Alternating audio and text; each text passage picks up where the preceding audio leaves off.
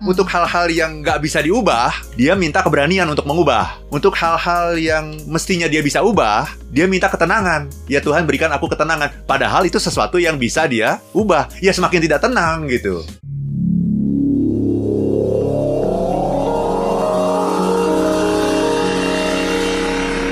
If you want to be happy, be happy now.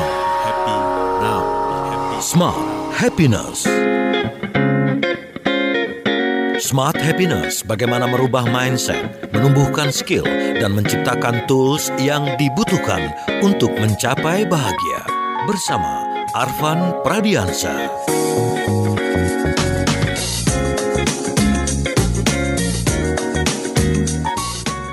Selamat pagi Smart Listener dan juga sahabat yang bergabung di seluruh Indonesia Sahabat Sonora Kami membuka kebersamaan kita pagi hari ini dalam Smart Happiness Pak Arfan kalau bicara mengenai damai ya Iya. Sebenarnya yang dimaksud dengan damai itu apa? Apalagi kalau misalkan di dalam diri Karena kita kalau lihat, uh, kalau kita menilai damai itu seolah-olah kayaknya nggak ada yang nggak riweh gitu ya nggak Iya. riuh, tidak ada pertengkaran, tidak ada marah Itukah yang di- disebut Iya. dengan damai? Very good question, Baula. Jadi banyak orang yang salah paham ya, menyangka bahwa yang namanya damai itu adanya di luar. Mhm. Gitu ya. Jadi kalau di luar ini tenang-tenang saja, tidak ada orang yang berkelahi, tidak ada orang yang berperang, maka boleh disebut kita sudah mencapai yang namanya kedamaian. Oke Itu totally wrong gitu. Mhm. Karena sesungguhnya perdamaian yang terjadi di luar itu adalah perdamaian yang sifatnya fata morgana. Mhm. Perdamaian yang sifatnya hanya semu saja. Karena ini sesuai dengan peribahasa Latin Oke. yang mengatakan si vis pacem parabellum. Nah, Baru itu. mau bilang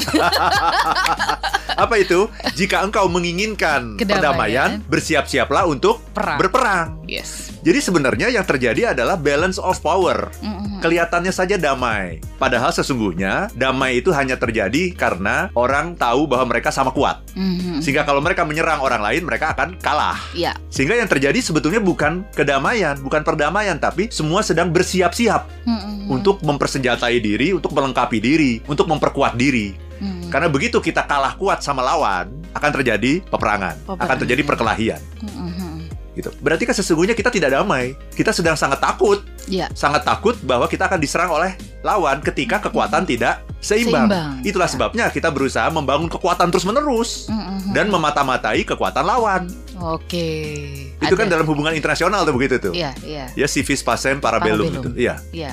Jadi sebetulnya nggak damai. Mhm. Kelihatannya damai. Jadi kita tertipu dengan apa yang nampak. Hmm. Padahal sesungguhnya yang namanya damai itu adalah apa yang tidak tampak.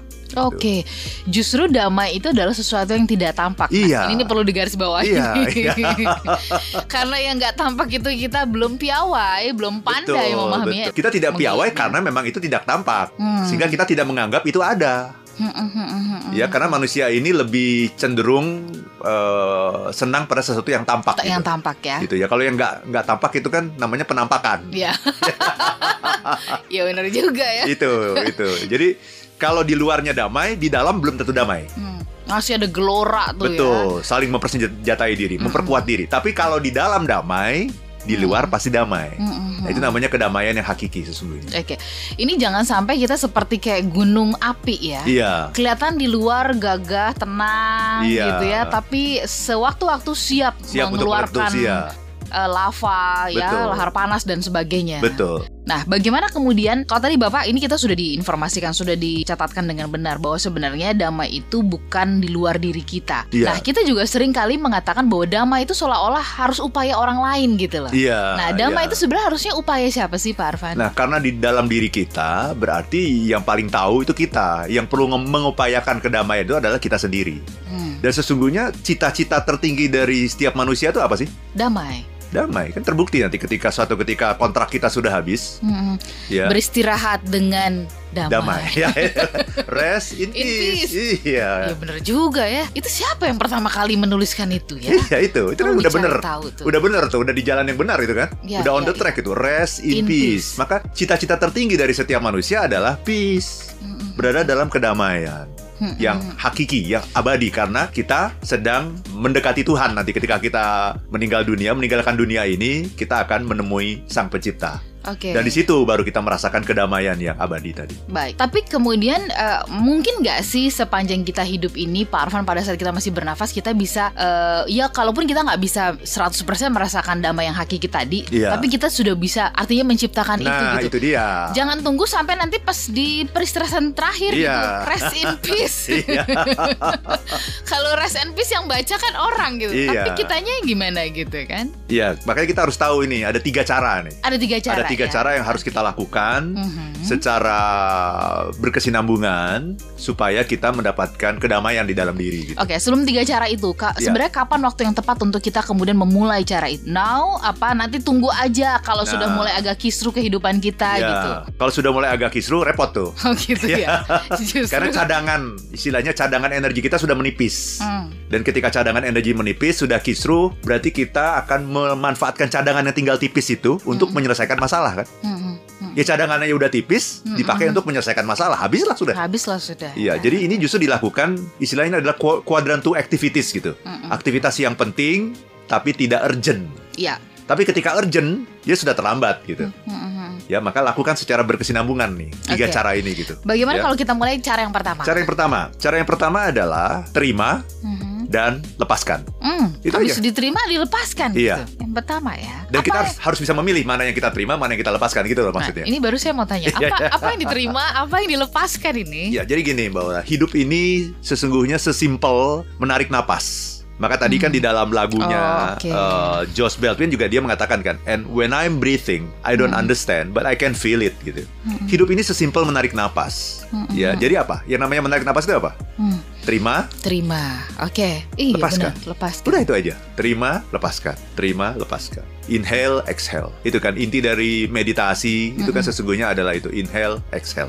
Mhm. ya terima lepaskan jadi terimalah apa pun yang diberikan oleh hidup ini karena kalau kita nggak nerima itu toh sudah terjadi juga gitu Mhm. ya apa pun yang diberikan oleh hidup kan itu sudah sudah terjadi ada di depan mata kita kan Mhm. jangan ditolak terima aja terima aja apa pun yang kita hadapi itu sesungguhnya datang dari Tuhan Mhm. atau diizinkan oleh Tuhan untuk Oke. hadir di depan kita. Kan pilihannya cuma dua. Ya. Itu datang dari Tuhan atau kalaupun itu tidak datang dari Tuhan, itu diizinkan oleh Tuhan hadir di hadapan mata kita. Mhm. Terimalah itu. Semakin kita menolak, semakin kita nggak damai.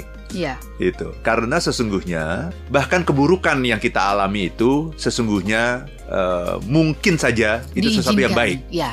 Mungkin sesuatu yang baik, menyelamatkan kita. Betul, betul, betul. Seperti itu, Mbak Ola. Kita karena kita tidak bisa melihat desain besarnya aja. Betul, begitu, karena ya. kita kadang-kadang melihat hanya on the spot saja gitu. Ya, tadi seperti yang Bapak katakan, kita hanya bisa melihat apa yang Yang nampak. yang nampak Iya. gitu. Yang nggak nampak itu kita kadang-kadang nggak bisa lihat dan nggak sabar. Betul, betul. Nah, manusia itu memang tidak sabar dan memang peran setan di dunia ini adalah membuat manusia Semakin tidak, tidak sabar. Semakin tergesa-gesa gitu. Iya, pengennya cepat semuanya ya. Betul, betul. Oke. Jadi terimalah apa pun yang ada di hadapan kita, yang baik maupun yang kelihatannya buruk. Mm-mm, mm-mm, mm-mm, Gitu. Ya. Kelihatannya buruk, dimarahin sama sama atasan, kelihatannya buruk. mm-mm. Ya, tetapi kemudian kalau kita sikapi, oh ini justru menunjukkan bahwa atasan kita itu perhatian sesungguhnya sama kita. mm. Itu jauh lebih baik daripada dicuekin kan gitu. Ya, Nah, itu.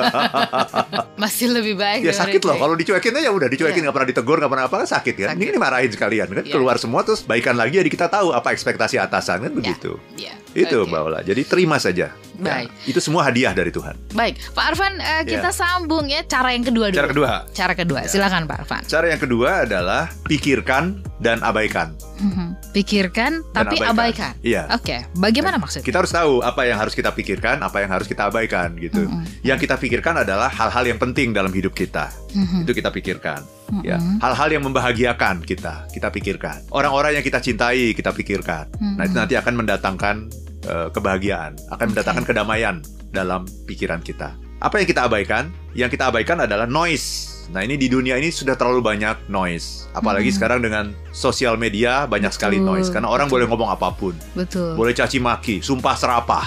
Ini mengganggu kedamaian kita gitu. Benar. Betul, hal-hal yang tidak penting itu abaikan. Dunia ini cuma dibagi dua kok, penting sama nggak penting. Walaupun sekarang ini sudah ada VUCA, disruption 4.0. Ya, Tapi sesungguhnya dunia ini sesederhana penting dan nggak penting. aja. Gitu. Iya, iya. Itu aja hal yang penting pikirkan. Yang Hal-hal yang nggak penting, penting Abaikan. Iya. Ya, iya. jadi kalau di sosmed itu di Facebook itu kan ada kalau ada orang yang minta pertemanan sama kita kan kita cuma harus pilih kan confirm Mm-mm, atau tidak ignore. Ignore, iya. Oke, sebenarnya ini semua hal yang ternyata sangat mendasar, sangat basic banget ya. Iya. Yang pertama da- tadi adalah terima dan lepaskan ya. Iya. Hidup ini sesimpel kita menarik nafas, pikirkan dan abaikan Iya. ya. Pikirkan yang penting, abaikan, Abaikan yang yang, nggak penting. tidak penting. Kemudian lakukan dan serahkan, lakukan yang menjadi bagiannya kita. Bagian kita. Ya, dan serahkan apa yang memang menjadi bagiannya Tuhan. Jangan dibalik ya, Jangan Pak. dibalik ya. Dan itu sesuai dengan yang namanya serenity prayer. Itu Iya. bagus sekali. betul, betul. Ya, serenity prayer itu berbunyi, God Mhm, grant me the serenity mhm. to accept things I cannot change. Change, iya. Courage to change the thing Yang that I can bisa. and wisdom to know the difference. Mhm. Ya, jadi Tuhan berikan saya ketenangan untuk menerima apa yang tak bisa aku ubah. Mhm.